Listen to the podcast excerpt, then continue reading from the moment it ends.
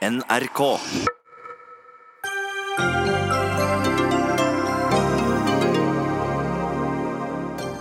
Klimatoppmøtet i Madrid er i gang. Ambisjonsnivået for utslippskuttene må opp, sier klimaforsker.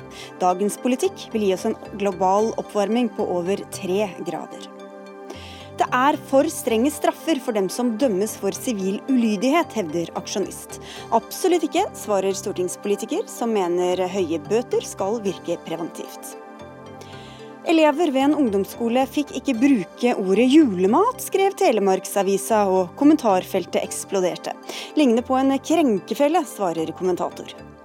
Og kronprinsesse Mette-Marit kastet kongelig glans over en overgriper, skal vi tro Dagens Næringsliv.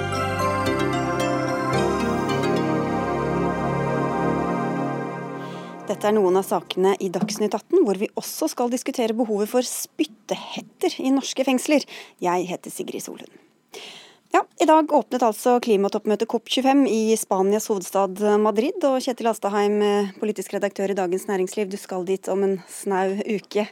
Dette er ikke det viktigste møtet, det er neste år. Men hva er de store sakene eller viktige sakene de skal diskutere i løpet av de neste to ukene? Noe av det er eh, altså i, i, fjor hvis jeg husker, så var dette møtet i Katowice i Polen. og Da fikk de på plass veldig mye av regelverket som trengs for at Parisavtalen skal kunne gjennomføres. Og Så er det noe som mangler, eh, og det er særlig regelverket for handel med med, altså der land kan måtte, selge og kjøpe eh, klimakutt. Og, og Det regelverket ble det ikke enighet om i Katowice, og det er noe av det de skal prøve å få til enighet om nå. Altså kvotekjøp og salg? Ja, forskjellige varianter av det. Og det er jo veldig viktig at eh, du, hvis du lager et sånt handelssystem, at du ikke begynner å telle kutt to ganger. For, for klimaet så gjelder det jo bare én gang hvis du reduserer et eh, tonn CO2. Men hvis du da i regnskapene uh, fører det i to lands regnskap, så driver man og jukser. Da, da, da får man ikke hjulpet klimaet. Statsminister Erna Solberg eh, er til stede, og hun talte ved åpningen i dag. Og du er også i Madrid. Kristina Voigt, du er eh, juridisk rådgiver i den norske forhandlingsdelegasjonen. Hva er det Norge tar med seg inn i disse forhandlingene? Norge uh, har det som politikk at vi prøver å få til at regelboken fungerer, at Parisavtalen gjennomføres på en effektiv måte. Og Derfor har Norge ofte en rolle som forhandlingsleder eller tilrettelegger av de ulike forhandlingsstrømmene. Det gjør vi på marked, det gjør vi på uh, tap og skade. Og Norge er ansatt som en brobygger, og, og denne rollen spiller vi uh, på, på, mange ulike felt.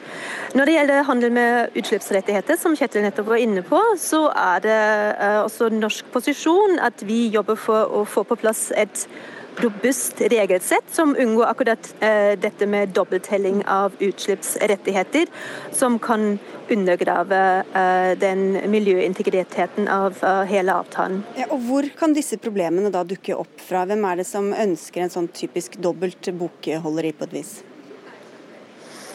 Ah, jeg tror ikke at noen ønsker seg det. Eh, det er bare at eh, regelboken, er, særlig på, på, karbonhandel, er ganske intrikat. Det er komplekse spørsmål. Det er et spørsmål om hva skal, skal telles, når skal det telles, hvor skal det bokføres. Det blir utrolig krevende tekniske spørsmål. Hvis man ikke passer på, så kan det faktisk skje at det dobbelttelles. Men eh, det, det, er ikke slik at det er noen land som absolutt vil ha det slik at det, det skal dobbelttelles, men det må grundig gjennomtenkes og, og, formuleres på en måte hvor det ikke er mulig å, uh, å, å unngå uh, denne type uh, bokføring. Det er jo, har vi sett de siste årene, altså, sprikende ulike interesser mellom forskjellige land og grupper av land. Tradisjonelt utviklingsland mot rike land, og så er det liksom delt, fått litt nye inndelinger der også. Mm. Hvilke potensielle interessemotsetninger er det vi kan se nå? Ja, akkurat når det gjelder det vi snakker om eh, med regler for handel med, med utslippskutt, så er det jo, jeg, jeg, trenger jo ikke være sånn diplomatisk som de som er i den norske forhandlingsdelegasjonen. du kan fortelle den hele fulle sannhet. Så er det jo Brasil som er et kjempeproblem, eh, og, der, eh, og som i realiteten var, var, det landet som stoppet enighet i Katowice i fjor. Og, der, den, og Spørsmålet er jo om Brasil vil flytte seg. og Med Bolsonaro som president, så er det jo ikke akkurat et land som, som står i spissen for en, en strammere klimapolitikk. Så det er i hvert fall én. Og så vil det jo bli, eh, som vi også har hørt her, dette temaet med tap og skade. altså skal når land opplever at de taper pga. klimaendringer, altså påføres skade i form av ja, ekstremvær eller tørke eller den slags, skal det være noen kompensasjonsordninger som Eh, som er en av, de, alltid en av de vanskelige tingene, nemlig om overføringer av penger og teknologi og midler fra rike land til fattige land. Ja, for Det er jo ikke, det er ikke noe sammenheng mellom dem som lider under klimaendringene og hvem som har forårsaket dem. Nei, verden er ikke rettferdig her heller. Nei. Um, Bjørn Samset, du er seniorforsker ved, ved Cicero. Målet er jo egentlig å begrense oppvarminga til to grader, eller 1,5, som man også da sa under Parisavtalen. Men hva sier de siste rapportene om hvordan vi faktisk ligger an? Nei, Dette møtet her kom jo på tampen av et år hvor det har vært den ene dårlige nyheten etter den andre. Altså, vi har hatt, eh, fått to rapporter, grundige rapporter fra FNs klimapanel som har gått gjennom tilstanden til naturen.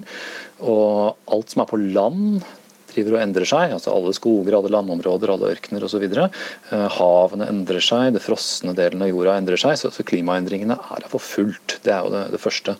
Og Det andre er at eh, Utslippene våre er jo rekordhøye, og det sier vi jo hvert år. For det blir stadig flere utslipp, så det som driver klimaendringene er også på topp.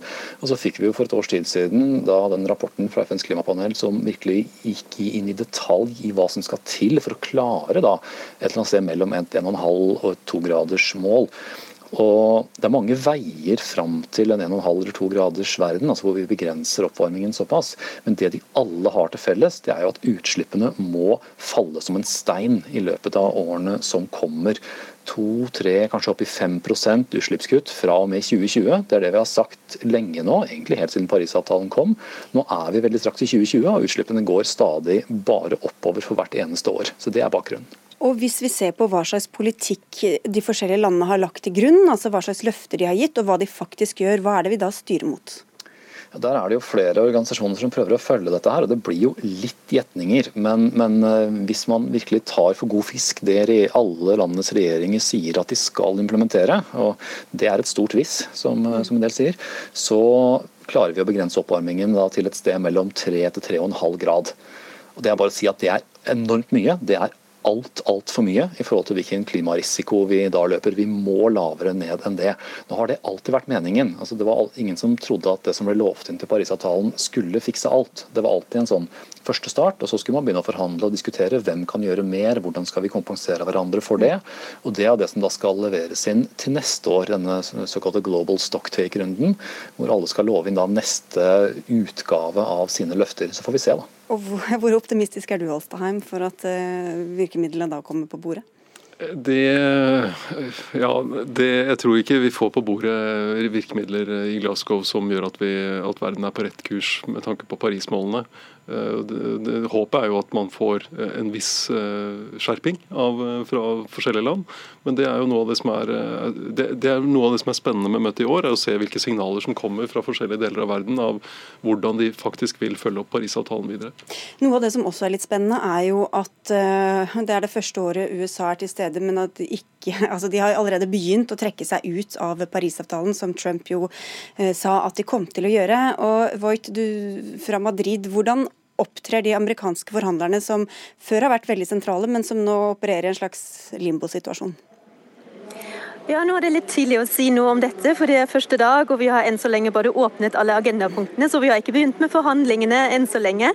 Og da er det vanskelig å si eh, noe om hvordan de opptrer. Mm. Men uh, et år til, fram til 4.11.2020, så er jo USA part eh, i Parisavtalen og har alle rettigheter og også alle forpliktelser under avtalen. og Det betyr at de forhandler regelverket da mm. i, eh, i, år. Um, men enn så lenge så har de opptrådt, opptrådt uh, relativt konstruktivt. Og vi håper jo at det holder de neste to ukene også. Og så Når USA nå i hvert fall er på vei ut av dansen, så er det mange som ser til Kina, som er landet med, med høyest CO2-utslipp i dag, altså rett foran eh, USA. Iselin Stensdal, du er forsker ved Fridtjof Nansens eh, institutt og har studert klimapolitikken fra Kina i detalj. Ehm, noen var redde for at Kina ville trekke seg tilbake da USA gjorde det. Andre håpet eller trodde at de ville eh, bli ledende innenfor klimaarbeidet globalt. Hva, hva ser det ut til? Ja, det er jo mange ting å bekymre seg for når det gjelder klimaendringer og forandringer, som vi har hørt. Men eh, at Kina skal legge inn årene fordi USA har gjort det, det er en bekymring vi ikke trenger å ha. Eh, det er ingen offisielle uttalelser som tyder på det. Og tvert imot så har Kina liksom gått ut og sagt at de syns det er veldig dumt at, at USA har trukket seg ut. Og de, de fortsetter med å, å begrense utslippene mm. sånn som de kan. Ja. Mm. ja, for hva, er det som, eller hva skal til for at Kina kan ta denne globale ledertrøyen da, over fra, ja, fra USA? Det er jo hvordan skal man definere lederskap. Hvis vi ser internasjonalt, da, eh, så, eh, så er Kina veldig eh, nøye med å understreke at FNs klimaforhandlinger og det arbeid som skjer under FN, det er det viktigste forumet man har i dag internasjonalt for å, å begrense utslipp. Og mm, også med med, med, Frankrike, faktisk. I år har de liksom seilt opp som et sånn radarpar. Mm. Først eh, under G20-møtet i juli.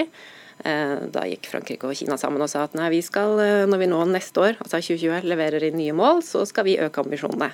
Og da Macron var på besøk i Kina forrige måned, så kom en ny eh, sånn felles erklæring om at Parisavtalen er viktig. Mm. Eh, Kina er også nå eh, leder sammen med New Zealand på det som heter eh, altså, for å finne naturbaserte løsninger. Altså Hvordan kan vi bruke naturen da, til å enten begrense utslipp som karbon, karbonlagring, eller i tilpasning f.eks. med å sikre mat og vann. Eh, og det er de veldig stolte av. Eh, så det kommer opp i alle, alle uttalelser. Eh, også hvis vi ser rent økonomisk, for det har jo vært en ting som man har diskutert i årevis under klimaforhandlingene, at de rike landene nå må de legge penger på bordet for utviklingsland. Eh, Kina er jo per definisjon fortsatt et utviklingsland, eh, men eh, de har også de har funnet en, en mellomløsning her. Da. Så Det de kaller sør-sør-samarbeid, hvor de vil hjelpe andre utviklingsland. Der har de selv lagt penger på bordet. Og også når vi ser hjemme, så altså, etter at USA signaliserte at de vil trekke seg fra Parisavtalen, så har de ikke eh, nasjonale og lokale nasjonal og lokal politikk har ikke liksom, eh, fått en demper av, det, av den grunn. da. Og så trenger du ikke bry deg så mye om hva velgerne mener, som nei, andre politikere. Nei, nei, det gjør man ikke. Men det er jo ofte sånn at i Norge så sier vi at vi er et lite land i verden, det spiller ingen rolle hva vi gjør. Det samme sier jo veldig mange andre land eller regioner eller byer. Og så peker mange på Kina, Bjørn Samset, som, som, som vi nevner her står for de største utslippene globalt. Så sier du at det blir litt for enkelt å bare peke på dem for enkelt. Altså, innen, innen, vi er forbi dette problemet, så skal alle verdens utslipp ha gått til null. Det inkluderer våre utslipp her i Norge. og Da teller hver persons utslipp like mye. Kina er et stort land, så da summerer det også opp til et veldig stort tall. Eh, men Kina står jo også for veldig mye av den produksjonen som vi i Vesten har bedt dem eh, ta, fordi vi kjøper varene deres. Så Der må man se en, større eh, helhet. og Det man heller bør se på, er kanskje utslipp per person. Altså hvor mye er det per hode. Og Der kommer vi i Norge ganske høyt ut, til tross for at vi har vannkraft og burde jo klare oss med egentlig veldig lave utslipp i, i utgangspunktet. Så det er klart det er store utslipp i Kina. og det er mye å jobbe med der. Men det er eh, nesten en fordel også, for da har du ett land som du kan jobbe med som er én stor kilde, og som har mulighet for å implementere ganske stor, eh, gjennomgripende politikk pga. den styreformen som de tross alt har. Og Norge eh, sier ofte at vi er veldig progressive, Kjetil Astaheim. Hvor, hvor progressive er vi inn i disse forhandlingene? Det er klart vi, Norge er jo for en, en eh, ambisiøs avtale og for uh, sterke virkemidler og for uh, mest mulig bindende virkemidler. sånn at uh, det, er jo, det er jo ikke Norge det står på i de forhandlingene. Eh, hvis jeg bare kunne si litt om Kina. Det du sa om at eh, de har ikke velgere de skal forholde seg til, så er jo det riktig. Men, men, det er klart at det engasjementet du har sett i Kina, med folk som ikke aksepterer å, å bli forgiftet av eh, lokal luftforurensning, at de reagerer på, på forurensning av elver osv., er, er jo noe av det som har gjort at miljøet er kommet opp mye sterkere som et tema i Kina, som, som handler om stabiliteten i landet. Og at det er et argument for at de kommer til og ikke bare klima, men naturmangfold og lokal luftforurensning kommer til å fortsette å holde fatt i det. Og så er spørsmålet hva betyr det når Kina blir eh, hengt opp i en handelskonflikt med USA? Hvordan kommer det til å stjele oppmerksomhet? og at kinesiske kommunistpartiet blir mer bekymret for den økonomiske utviklingen og hvordan det kan påvirke det klimaarbeidet i Kina. Da skal vi runde av, men vi bare avslutter hos deg, Kristin Auet. Hvordan er det med optimismen og engasjementet i Madrid nå på møtets første dag? Flott, se bra ut. Møtet ble jo i morges åpnet bl.a. av FNs generalsekretær Antonio Guterres, som snakket om a point of no return. Og det tror jeg satt som alvorspunktet for alle de forhandlere som er her. Så optimismen, ja. Motivasjonen er, er til stede, og, det er stor Eh, eh, stor oppmerksomhet på å få på plass resten av regelboken for Parisavtalen, fordi det er den siste biten som mangler for den effektive gjennomføringen av selve avtalen. Vi får se om det ender like optimistisk. Takk skal du ha, Kristina Voigt, som altså er professor ved juridisk fakultet og rettslig rådgiver til den norske forhandlingsdelegasjonen. Takk til Bjørn Samstedt fra Cicero og til Iselin Stensdal, som er forsker ved Fridtjof Nansens institutt. Og til deg, Kjetil Asheim, du kommer tilbake snart, men før det til noen som mener de ikke har tid til å vente på de internasjonale klimaforhandlingene. Dagsnytt 18 alle hverdager klokka 18. På NRK P2 og NRK2.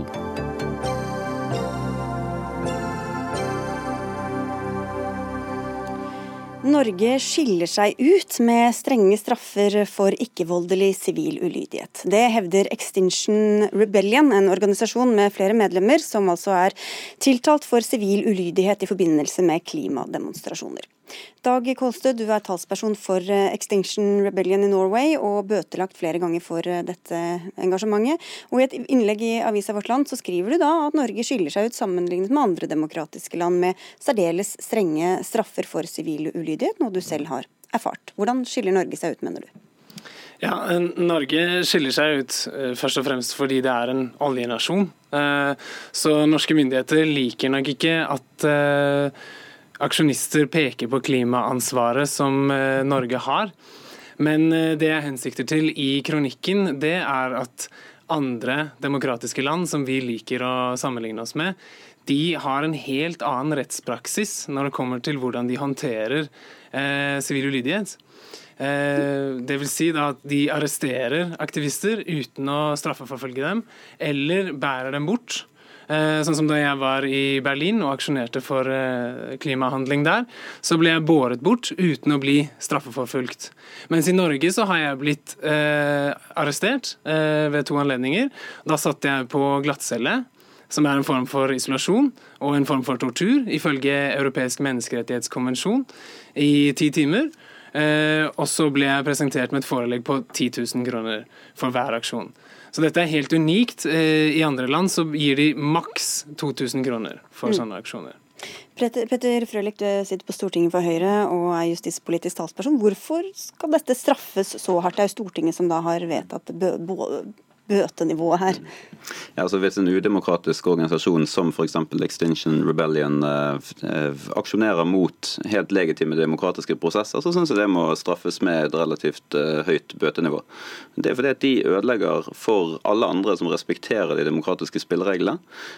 De påfører også samfunnet noen ganger, eller kan gjøre, kan si, påføre samfunnet ganske store kostnader. Og så mener jeg først og fremst at de ødelegger debattklimaet fullstendig. Fordi at dere polariserer og gjør at de som tyr til de mest ekstreme virkemidlene, blir hørt, eh, fremfor at andre, eh, mer moderate krefter som følger spillereglene, blir, blir lyttet til. Men Hva er det som er så ekstremt og udemokratisk, mener du? Jeg syns aksjonsformen er helt på grensen av, av, hva som er akseptabelt, og det er jo åpenbart domstolen enig i. Disse folkene blir dømt gang på gang på gang for å bryte loven. Jeg syns det er veldig lite nødvendig i et samfunn som er så fritt og demokratisk som det norske, hvor alle har mulighet til å kjempe sine kamper innenfor ytringsfrihetens rammer og eh, på en fair og grei måte.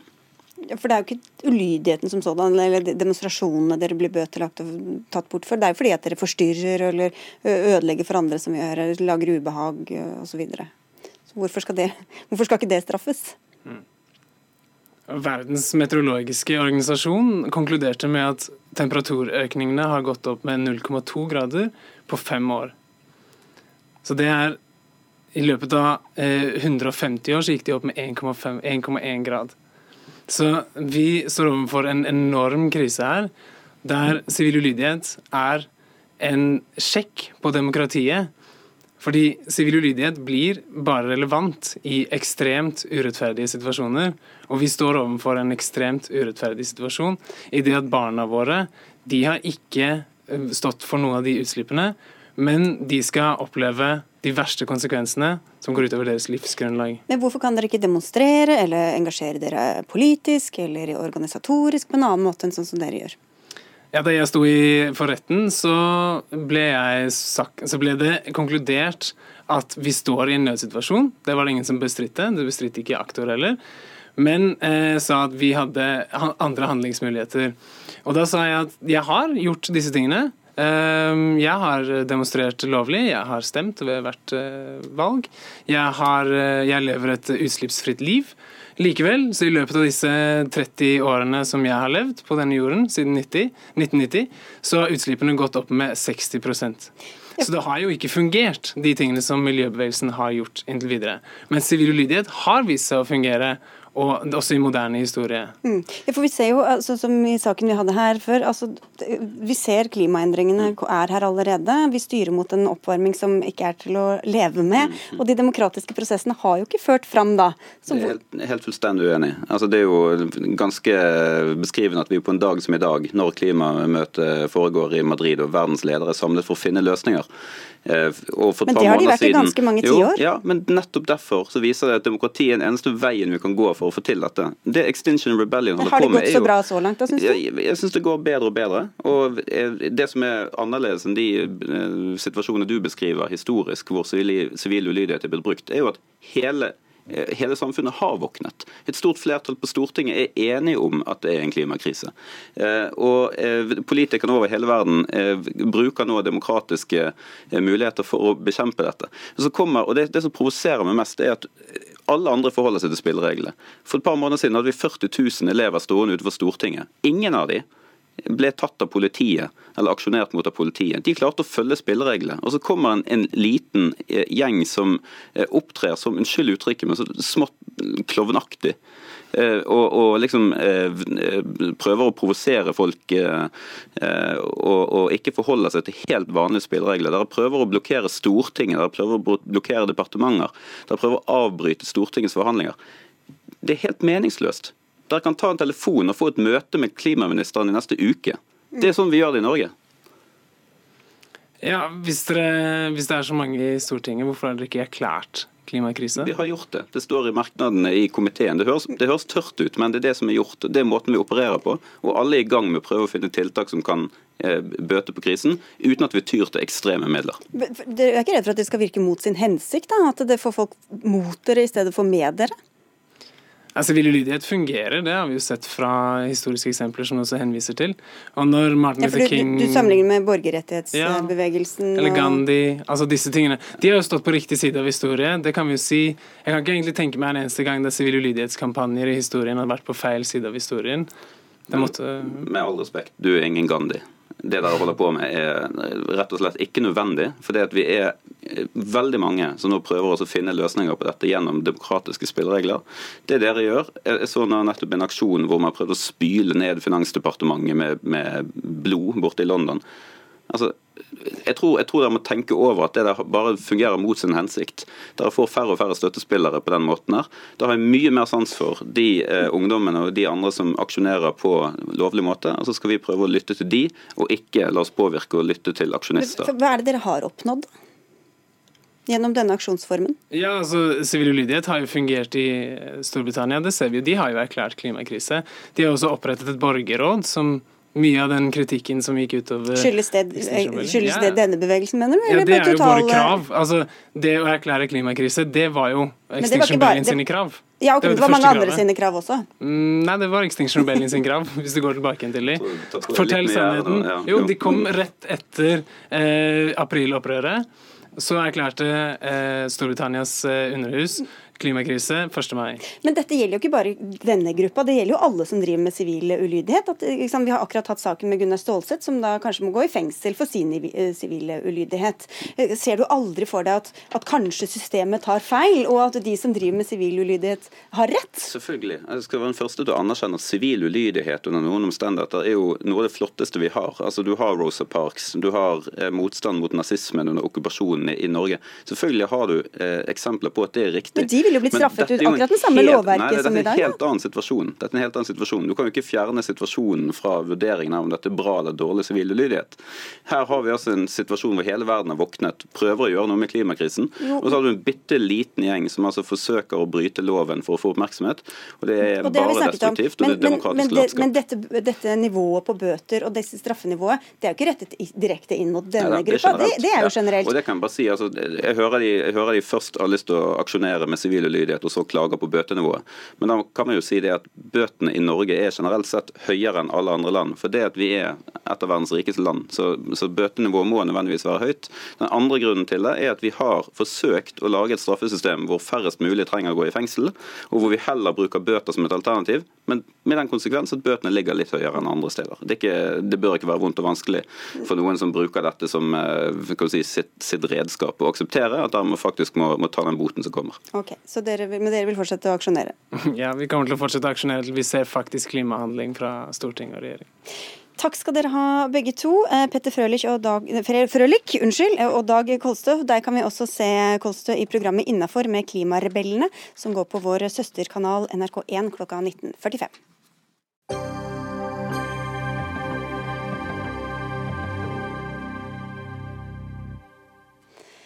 Legger norske aviser ut artikler de vet vil skape misforståelser bare for å få en hel masse klikk? En sak om en skole som ikke skulle bruke ordet jul, har skapt raseri i kommentarfeltene, og brukes nå retorisk av flere politikere. Mer om det straks, men først til dagens nyhet om at kronprinsesse Mette-Marit har møtt den overgrepsdømte milliardæren Jeffrey Epstein flere ganger. Både hjemme hos ham og i Oslo. Møtene fant sted flere år etter at han tilsto seksuelle overgrep, og kronprinsessen sier til Dagens Næringsliv at hun burde ha undersøkt Epsteins fortid nærmere, og at hun beklager at hun ikke gjorde det. Jeffrey Epstein var tiltalt for menneskehandel og seksuell utnyttelse av flere mindreårige, og risikerte 45 års fengsel før han tok livet av seg på cella i sommer. Politisk redaktør i Dagens Næringsliv, Kjetil Astheim, velkommen igjen. Takk. Si litt mer, hva er det som har skjedd her, egentlig? Nei, det er eh, de, de, de, det, de, forteller fra Slottet og kronprinsessen forteller, er at uh, hun ble introdusert for Jeffrey Epstein av en felles bekjent. I, og så hadde de flere møter mellom 2011 og 2013. Da, et, et av dem i Oslo. Og det, de, Slottet kommer ikke med noen detaljer om antall møter eller mer om, om hvordan det var, men de opplyser at Eh, at det var alltid eh, flere til stede eh, på møtene. Men Var det snakk om fester eller jobbmøter, eller hva vet vi om det? Ja, dette, dette, har ikke Slottet villet gi noen detaljer om. Så det, det, det har vi ikke rett og slett fått, fått noen bekreftede opplysninger om. Og så sier du da at kronprinsessen burde ha undersøkt bedre. Hva bygger du det på? Nei, Man kan jo lure på om de har Google på Slottet. fordi det, Dette var jo et tidspunkt der eh, Jeffrey Epstein eh, var dømt og hadde sonet i fengsel, en 13 måneder lang dom. Eh, og dette lå jo et Google-søk unna. Vi har jo sett et intervju med britiske prins Andrew, som fortalte om hvordan han i 2010 dro til New York for å avslutte vennskapet med Jeffrey Epstein. Det var etter at Epstein hadde ferdigsonet dommen, fordi han mente det var upassende å ha en sånn forbindelse med, med en uh, sexforbryter. Og Det var da året etter dette at uh, kronprinsesse Mette-Marit uh, fikk denne forbindelsen. Men det var vel mange som ikke kjente til ham også den gangen? Altså, Han var ikke så kjent som det han er i dag? Nei, det som det Jeffrey Epstein gjorde etter at han hadde vært i fengsel, var at han uh, var veldig aktiv for å prøve å, reetablere seg i det øverste laget av uh, eliten i New York. og Han var jo en, en, nettverksbygger av rang og hadde kontakter med Bill Clinton og andre fra tidligere. og Det var det han, han, ville ha tilbake, og det var det han jobbet veldig aktivt for å få. og Da brukte han jo sånn, ble introdusert av noen som kjente ham, og så var det middagsselskaper og så var det kontakter for å, for å komme tilbake der han hadde vært. Og også det å, å komme med veldedig støtte, gi penger til viktig forskning og den slags. Men så, Du sier jo da at hun burde ha undersøkt, men vi vet ikke hva slags møter det var. Kanskje det var helt flyktig, kanskje det var veldig mange mennesker til stede. Når er det du mener at Slottet eller kronprinsparet har eh, plikt til å finne ut av hvem det er de sier hei til. Ja, akkurat Det er jo et problem at vi ikke vet mer om, om eh, detaljene i et sånt altså Hva slags møter var dette egentlig, hvilken sammenheng var det? Eh, var det tilfeldige møter? Det virker jo ikke som det var tilfeldige møter, siden, siden da kronprinsessen fant ut i 2013 at hun ville avbryte den forbindelsen. Ja, For det var et sånn aktivt valg hun tok? Det var et aktivt valg. Hun sier at hun, hun opplevde at, at, den kontakten ble forsøkt utnyttet av Epstein overfor andre, og det, da, da, da kuttet hun den kontakten. Men det er klart, kongefamilien må jo være veldig bevisst på hvordan andre vil utnytte, utnytte, deres posisjon. Det er klart det er mange som ønsker litt uh, rojalt stjernedryss over seg selv eller sine prosjekter eller kommersielle aktiviteter. Så de, det er klart de må ha en høy eh, bevissthet om, om, i hvilken grad de blir utnyttet på den måten. Og Kronprinsessen, eh, om hun skulle søkt opp dette selv, det kan man diskutere, men det er klart hun har et nettverk av rådgivere rundt seg som eh, burde kunne hjulpet henne med det. Nå er ikke du noen monarkist, akkurat, men, men hvor, hvor, god eh, mener du at denne bevisstheten er eh, hos kronprinsparet og resten av kongefamilien? Eh, nei, akkurat I dette tilfellet så ser det jo ikke ut som hun eh, har vært eh, så bevisst som hun burde, eller at de rundt henne var det. Men hun var jo ikke alene om det. og Det er jo det som er det vi ser nå med flere eksempler på hvordan folk lot seg knytte til Epstein etter den dommen. Og Et annet eksempel vi har skrevet om i, i Dagens Næringsliv, er jo tidligere Arbeiderpartistatsråd Terje Rød Larsen, som nå leder en tenketank i, i New York som også hadde, hadde, forbindelser med Jeffrey Epstein etter eh, at han hadde vært i fengsel, og mottok penger fra, fra, hans eh, stiftelser, og som nå har sagt at de skal gi pengene til støtte for prosjekter for, for kvinner som har vært utsatt for overgrep kan jo nevne at vi har forsøkt å få tak i Terje Rød-Larsen og vært i kontakt med Slottet. Han er veldig opptatt i dag. Men eh, er det flere norske forbindelser dere vil avsløre etter hvert? Eller? Vi har også skrevet om at eh, Epstein eh, tok kontakt med norsk utenrikstjeneste for å prøve å få visum til en eller flere østeuropeiske kvinner som han ville ha med seg til Norge, og det, det fikk han, der fikk han nei som svar. Kan vi stjele boka til norske myndigheter der, da. Takk skal du ha, Kjetil B. Alstaheim, politisk redaktør i Dagens Næringsliv.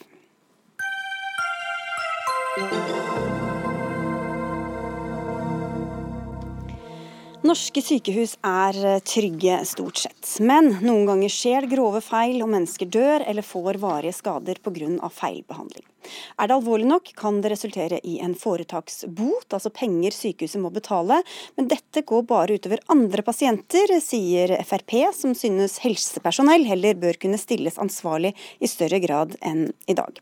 Vi skal høre utdypning om dette, men dette forslaget har fått flere til å steile, senest i dag Bergens Tidende, hvor du advarer mot følgene av dette forslaget. Ingebjørn Bleivin, du er samfunnsmedisiner og fastlege i Odda.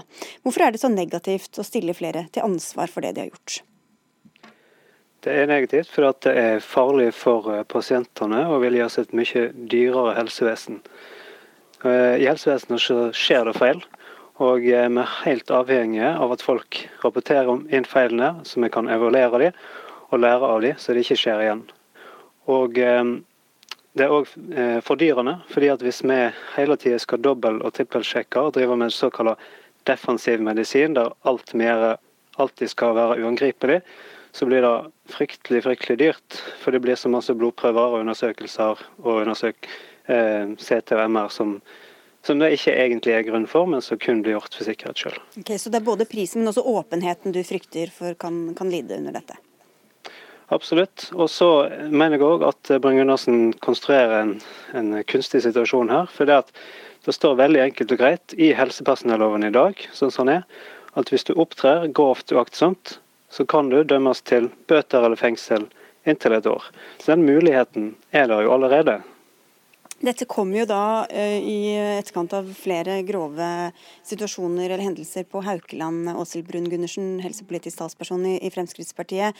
Det er flere som har reagert på, i helsevesenet synes dette er en, en dårlig idé. Men hvorfor, hvorfor mener du det er bedre å la leger, sykepleiere eller ledere på sykehusene stå ansvarlig for det som skjer? Jeg tror vi først skal spole tilbake til det som var utspillet mitt, nemlig dette med foretaksbøter, som jeg mener ikke er en treffsikker reaksjonsform. Når alvorlige feil oppstår i sykehuset, så kan også sykehuset risikere å få en foretaksbot. Det rammer i hovedsak kun sykehusets økonomi, det plasserer ingen ansvar, og det sikrer heller ikke at eh, episoden ikke kan oppstå igjen. Eh, når mennesker kan dø som følge av grov feilbehandling uten at de personene som har utført en grove feilbehandling får noen reaksjonsformer for det, så mener jeg det svekker tilliten til det norske helsevesenet. Derfor har jeg tatt til orde for å vurdere andre, mer treffsikre reaksjonsformer, f.eks. å stille helsepersonell eh, til større grad ansvar for sine egne handlinger. Ja, og Det er det vi diskuterer nå, da. Men hva tror du det gjør med viljen til å melde fra når det har skjedd noe galt? Altså, dette handler ikke om å ta hverdagslige småfeil. Vi vet godt at det er tusenvis av flinke leger og sykepleiere som jobber hardt hver eneste dag for å gi god pasientbehandling. I Helse Vest så har det vært to episoder de siste tida eh, med alvorlige tilfeller som har resultert i foretaksbot. Eh, den ene episoden handler om en seksårig gutt fra Haukeland da, som døde fordi legen satte inn en feil sprøyte i hodet hans under en cellegiftbehandling. Og den andre episoden var en mann på 43 år som ble lagt inn på akuttmottaket, ble liggende der. Eh, trakk i varsellampa, men ble liggende 45 minutter uten at noen kom og hjalp ham. Noen døde som følge av det. I disse to spesifikke episodene så fikk altså helseforetaket en bot, og det mener jeg ikke er en treffsikker reaksjonsform. For Det er snakk om grove tilfeller, Bleivind. Hvordan tror du det er for noen som har kanskje mista en de står nær, å se at det ikke skjer noe annet enn kanskje at foretaket da får en bot? Jeg skal være den siste til å forsvare foretaksstraffen. Den fungerer sannsynligvis bare hvis du trekker den direkte fra styrehonorarene. Men eh, jeg sliter med å se hva Brun Gundersen eh, prøver å oppnå ved å vri eh, straffen fra systemet til det enkelte helsepersonell. Og tingene igjen, dette er allerede mulig i dagens lovverk. og jeg synes det er rart at den helsepolitiske talspersonen til et regjeringsparti ikke egentlig virker å være klar over det. Foretaksstraffen er den minst dårlige reaksjonsformen vi har funnet. Det er et signal om at eh, ting ikke er gjort eh, skikkelig.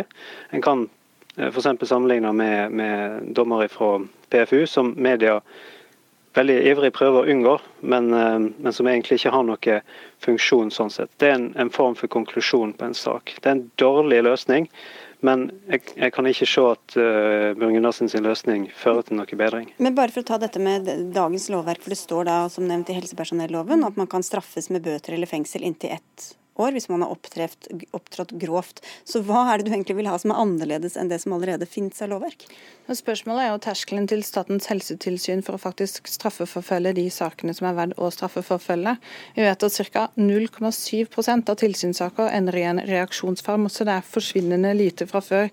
Så hva som skal til for at Statens helsetilsyn skal råde politiet i å straffeforfølge leger og sykehus som opptrer uansvarlig, det er jeg veldig usikker på, men den terskelen er altfor høy. Og Jeg kan sitere fra et pasientombud som mener at vi i dag har et system der ingen i realiteten straffes, fordi Statens helsetilsyn fungerer som en domstol, som svært sjelden råder politiet til å ta ut tiltale. Og Det er nettopp her problemet oppstår. Pasienter i Norge i dag opplever at eh, helsepersonell som opptrer grovt uaktsomt, som burde hatt en straffereaksjon for det, ikke får det. og Det mener jeg er med å svekke tilliten. Hva kan du oppnå ved en sånn straff, straff som ikke den legen eller sykepleieren eller hvem det nå er, allerede får gjennom at de da tydeligvis har gjort en feil i jobben sin? Ja, men det er jo, eh, Dagens eh, regelverk finnes, men den blir praktisert i svært liten grad. og Jeg tror man skal skjelle litt til litt andre typer yrkesgrupper. Samfunnet vårt hadde nok aldri akseptert hvis lastebilsjåfører hadde vært unntatt denne straffebestemmelsen. Hvis lastebilsjåfører som kjører på veiene opptrer grovt uaktsomt, og som uskyldige mennesker mister livet som følge av det, så er det jo ingen som hadde akseptert at selskapene jobba for fikk en symbolsk bot, eller at han kunne fortsette videre i sin stilling. Så dette handler i realiteten om å la personer som opptrådte grovt uaktsomt, som er svært sjeldent at de faktisk får noen reaksjonsformer for det. Breivind? Det er klart, eh, men det, dette er jo tilfellet allerede. Det har vært dommer der folk som har opptrådt eh, grovt aktsomt, har blitt dømt. Og Her må vi rett og slett se på hva er best for den store flertallet av pasienter. Hva er best for samfunnet. Eh, Brun Gundersen er politiker og kjenner viktigheten av signaler, hvordan vi snakker om ting. Det er ikke alle som setter seg grundig inn i utredninger og, og hvor straffenivået ligger og sånn. Hvis, hvis, det generelle inntrykket er at det er farlig å melde fra om egne feil, farlig å melde fra om andre sine feil, fordi du kan havne i fengsel, da vil det gå ut over veldig, veldig mange pasienter. Og da tar vi noen få saker, og så ødelegger vi mange tiårs arbeid med å senke terskelen for å si ifra. Ja, og Pluss dette som du også var innledningsvis sa, at man da belaster ytterligere et allerede overbelastet eh, helsevesen ved at man må ta den ekstra blodprøven, man må ta den skanningen osv. Ja, det handler ikke om slurvefeil, det handler om grovt uaktsomhet. og Her er den store forskjellen. Eh, det vi er opptatt av, er at mennesker som opplever en grov feilbehandling i norsk helsevesen, skal ha tillit til at det fører til noen reaksjonsformer. Det har i helsevesenet vært to av disse sakene. Dette er altså ikke snakk om hverdagslige ting, men det handler om at grovt uaktsomhet må få noen konsekvenser. Da hjelper det ikke, sånn vi i Frp ser det, å gi sykehuset en symbolsk bot. Det forverrer kun økonomien, ikke noe annet. Det var så langt Ja, OK, kom veldig fort, Blevin. for for ja, vi må avslutte nå. Spørsmålet hvor, hvor skal, hvor skal Bjørn Gundersen stoppe for å utvide dette til at offentlig ansatte generelt i langt større grad skal ha personlig ansvar for de valg og avgjørelser de tar. Så åpner jeg opp en sånn Pandoras eske her med alle mulige slags former for eh, straff for alle som jobber i det offentlige. Det er ganske vanlig i de aller fleste yrkesgrupper i Norge å ha et personlig ansvar for de grove feiltrinnene man gjør også på arbeidsplassen sin. Jeg ser ikke noen grunn til at helsepersonell skal være unntatt av det. Det handler om få tilfeller, og mennesker skal være trygge på at når alvorlig svikt i helsevesenet begås, så får det noen konsekvenser for de som har gjort det. Og da takker vi av dere, Åshild Brun Gundersen og Ingebjørn Bleiven, som også har det han kaller et litt barnslig tankeeksperiment, hvor han følger opp disse prinsippene og mener det kunne slått veldig uheldig ut for politikere som tar dårlige valg, men det kan dere lese i Bergenstidene. Takk skal dere ha. Hør Dagsnytt 18 når du vil. Radio NRK.no.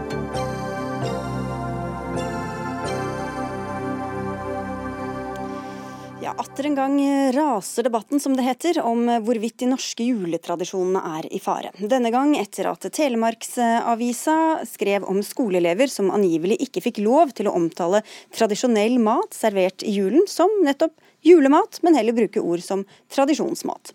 Skolen mener saken er vinklet feil, og at flere av detaljene i den er upresise. Vi har ingen retningslinjer som sier at det ikke er lov å bruke ordet jul, sier rektor Kjersti Bollerud til dere, Ove Meldingen. Du er ansvarlig redaktør i Telemarksavisa. Men hvilket inntrykk tror du folk fikk av den saken dere trykket, bl.a. hvis du leser kommentarene den skapte i sosiale medier? Altså, vi kan jo ta ansvar for den saken vi laget, og det er ingenting feil i den saken. Vi kan ikke se at det er noe feil. Eh, alle sitatene er godkjent av de som ble intervjuet.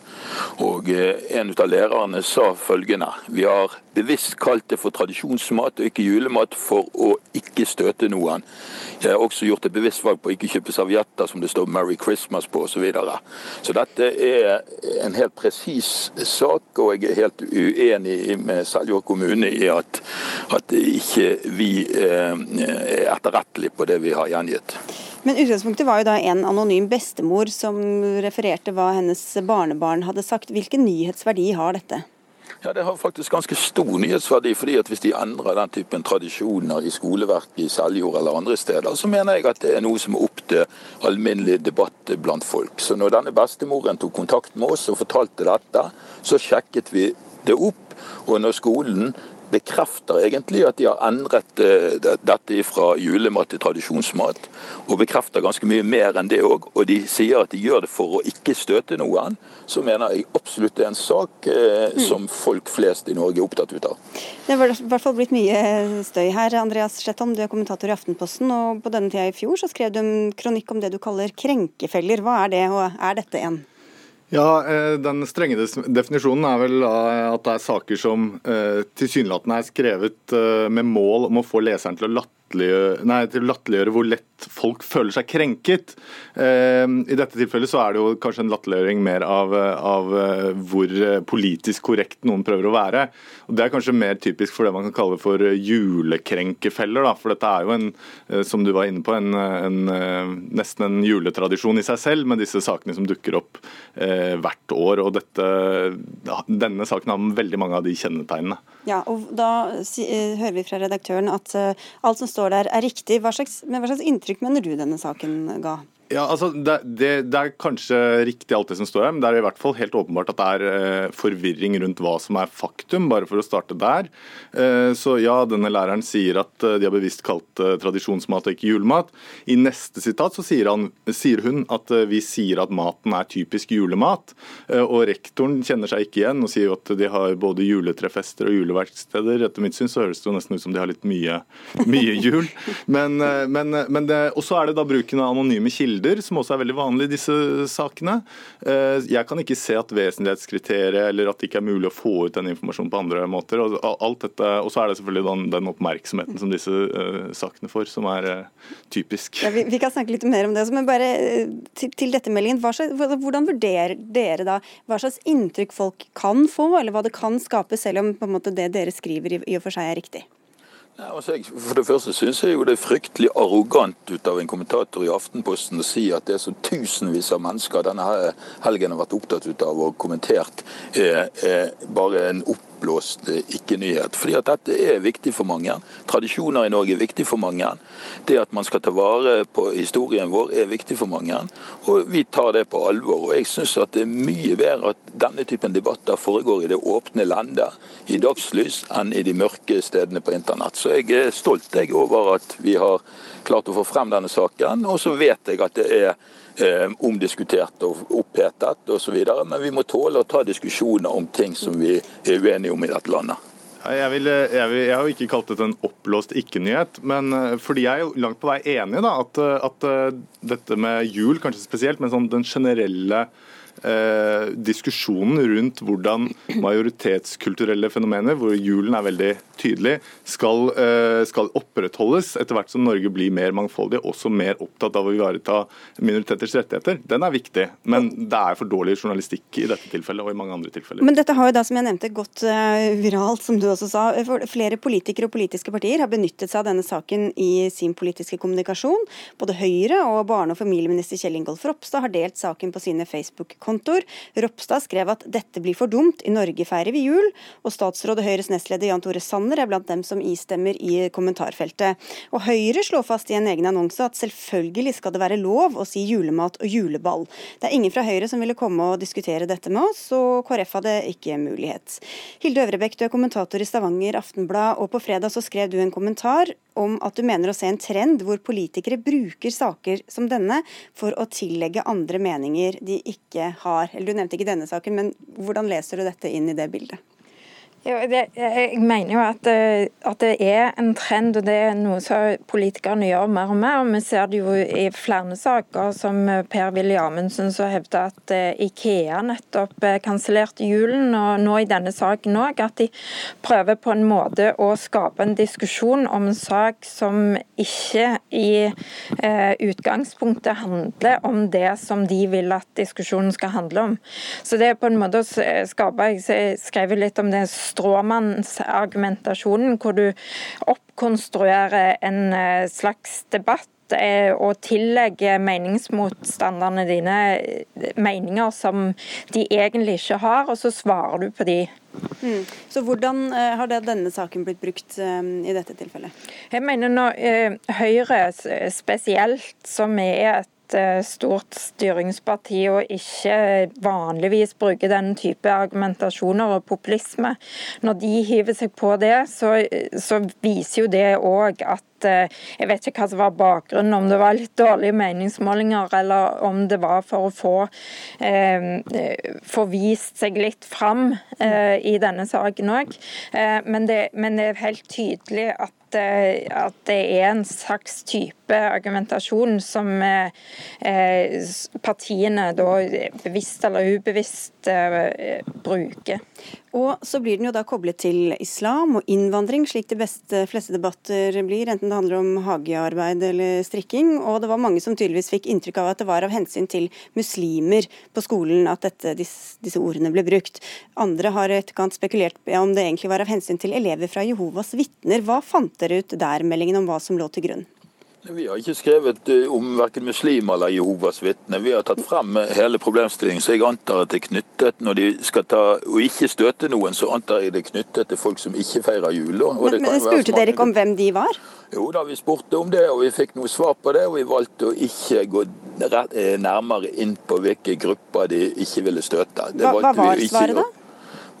Svaret det ønsker jeg fortsatt ikke å gå inn på, men jeg ser at spekulasjonene er mange. og nå, Jeg får jo inntrykk av at veldig mange ut av de som uh, kaster seg inn i denne diskusjonen, ikke har lest saken i det hele tatt, som består av mange interessante nyanser. Det som er viktig, er at vi kan jo ikke forsvare hva folk tolker ut av en sak som ikke de har lest. Så jeg inviterer alle til å lese saken, så kan vi ta diskusjonen ut ifra det. Hmm. Ja, de skriver vel kanskje ikke noe feil da, Øvrebekk heller? Nei, men jeg synes altså, altså, jeg har jo lest, jeg har lest saken, og jeg syns at det, det, det, det, kan veldig veldig lett tolkes på den måten som f.eks. Resett og Dokument gjorde. Eh, og, og skape en sånn eh, veldig eh, Altså at, at, de blir sinte, de som argumenterer mot, eh, og at de eh, oppkonstruerer da en debatt om at dette handler om muslimer, det handler om fremmedfrykt. Eh, og Det ser du òg på eh, svarene fra Per-Willy Amundsen f.eks. i denne saken. Men Andreas Slettholm, er, er, er Telemarksavisa ansvarlig for hvordan andre bruker eller misbruker deres artikkel? Nei, men jeg tror de burde være bevisst på at uh, disse sakene leses med en sånn undertekst om uh, at at uh, julen er truet. ikke sant? Juletradisjonen er truet. og Da blir jo spørsmålet av hvem. Uh, og, og, og, Da syns jeg jo det er veldig påfallende at det ikke bare i denne saken, men at det aldri sies rett ut hvem det er man ikke vil støte. og Da tenker jeg man bør vurdere om dette da eh, oppfyller nyhetskriteriene, når man egentlig ikke kan fortelle hvilke mm. hensyn det er de har gjort, disse som har tatt disse avgjørelsene. Da skal du få siste korte ord, Meldingen. Ja, ja, men Det blir jo det samme som at uh, Stavanger Aftenblad tolker dette som om det er Høyre sine dårlige meningsmålinger som gjør at de plutselig er opptatt ut av uh, tradisjoner i dette landet. Det er jo òg å konstruere en virkelighet som antagelig ikke finnes. Jeg mener at Det må være en ærlig sak at folk er opptatt opptatt du tar vare på juletradisjonene både i Seljord og andre steder. Og Det syns jeg vi skal ha litt mer respekt for enn, det man viser nå. Da er det grunn til å tro at debatten fortsetter på sosiale medier, i hvert fall. Takk skal dere ha, Hilde Øvrebekk fra Stavanger Aftenblad, Ove Meldingen fra Telemarksavisa og Andreas Slettholm fra Aftenposten.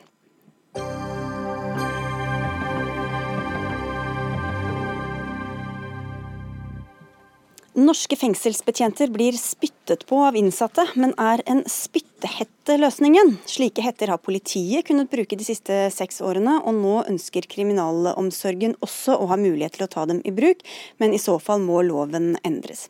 Til sammen har fengselsbetjenter meldt fra blitt spyttet på 79 ganger i år, og dette er et økende problem, ifølge kriminalomsorgen. Fengselsdirektør ved Oslo fengsel, Nils Leielv Finstad, hvorfor er spyttehetter da en del av løsningen på dette problemet? Det er som du sier et økende problem som er krevende for oss å håndtere. Vi har, eh, forsøker ulike alternative tiltak som virker i noen grad, og ser at det eh, vernetiltaket som tvangsmiddelet spytthette er, eh, vil fungere i noen få tilfeller. Hvordan fungerer disse hettene, og når, når vil dere ta dem i bruk? Vi vil ta det i bruk særlig der hvor innsatte har en kjent historikk med spytting. Hvor det er klare tegn på at innsatte vil kunne komme til å spytte.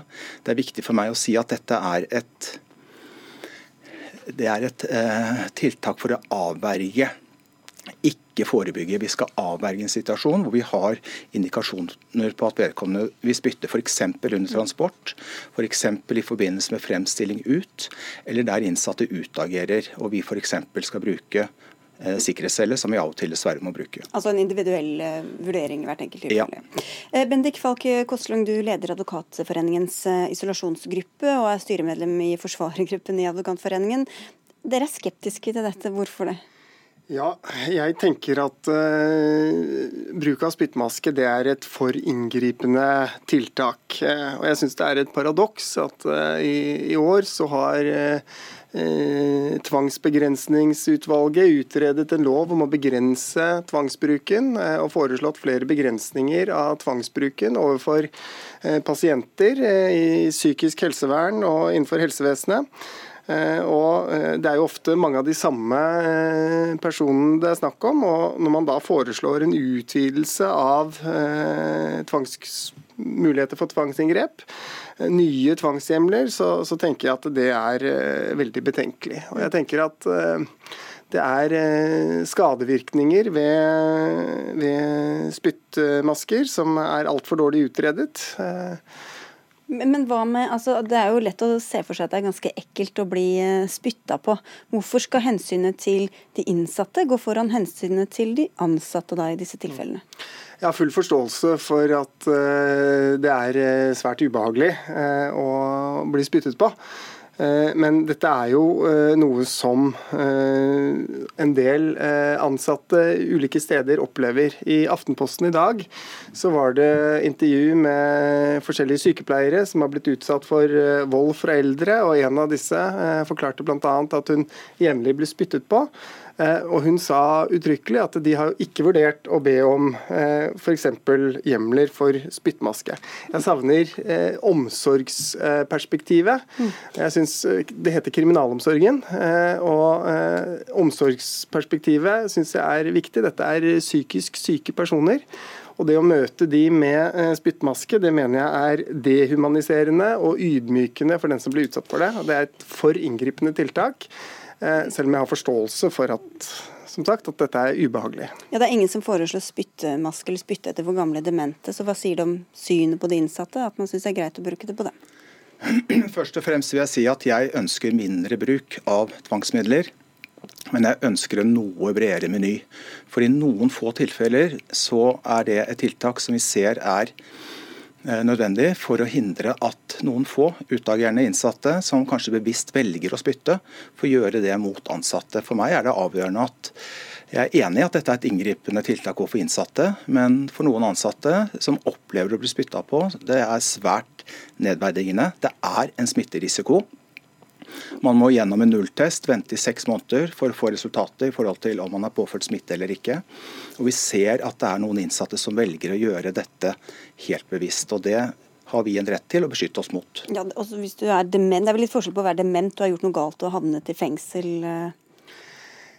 Jeg tenker at Det menneskerettslige vernet må, må være det samme. Det er ulike, ulike, klienter eller ulike brukere, men jeg, jeg tenker at eh, utgangspunktet bør, bør være, det, være, det, samme. og Jeg skjønner behovet for å uh, beskytte seg, men uh, Hva skal de gjøre i stedet, da? Sivilombudsmannen har f.eks. For foreslått at de uh, Fengselsansatte kan ha et spyttvisir som de kan sette på seg dersom de opplever at uh, dette skulle være et uh, problem uh, i forhold til enkeltinnsatte. Det kan være andre tiltak som de kan gjøre med seg selv, som ikke er så inngripende overfor den som, som rammes.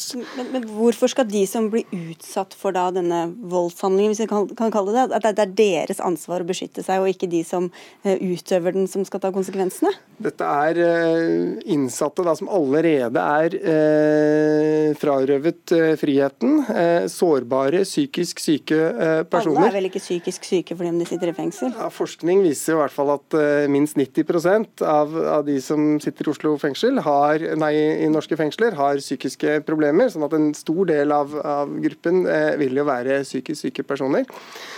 Og Hva gjør det, kan det gjøre med tilliten? da? Til, det skal jo være tillitsforhold mellom de ansatte og de innsatte, hvis de vet, har denne som en sånn trussel? Kriminalomsorgen har noen tvangsmidler, og vi bruker de med varsomhet. og Det tror jeg faktisk innsatte vet. Vi fikk et nytt tvangsmiddel for uh, tidligere i år.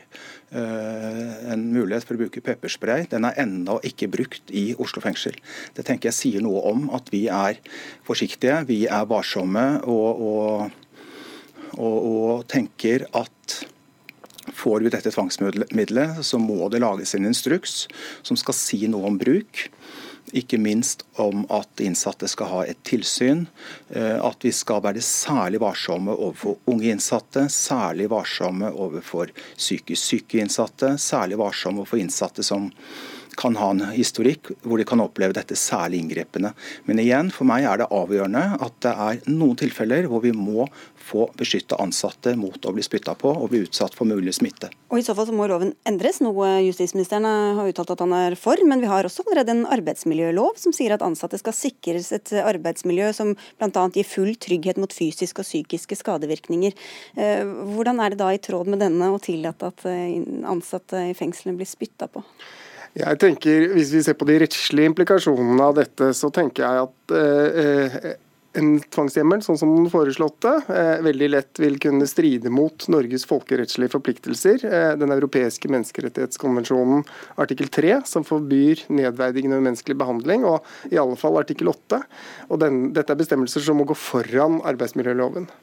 Så får vi se om justisministeren eh, får det som han vil. Takk skal dere ha begge to for at dere var med her i Dagsnytt 18. Nils Leiel Finstad, som er fengselsdirektør ved Oslo fengsel, og Bendik Falk Koslung, som altså representerer Advokatforeninga.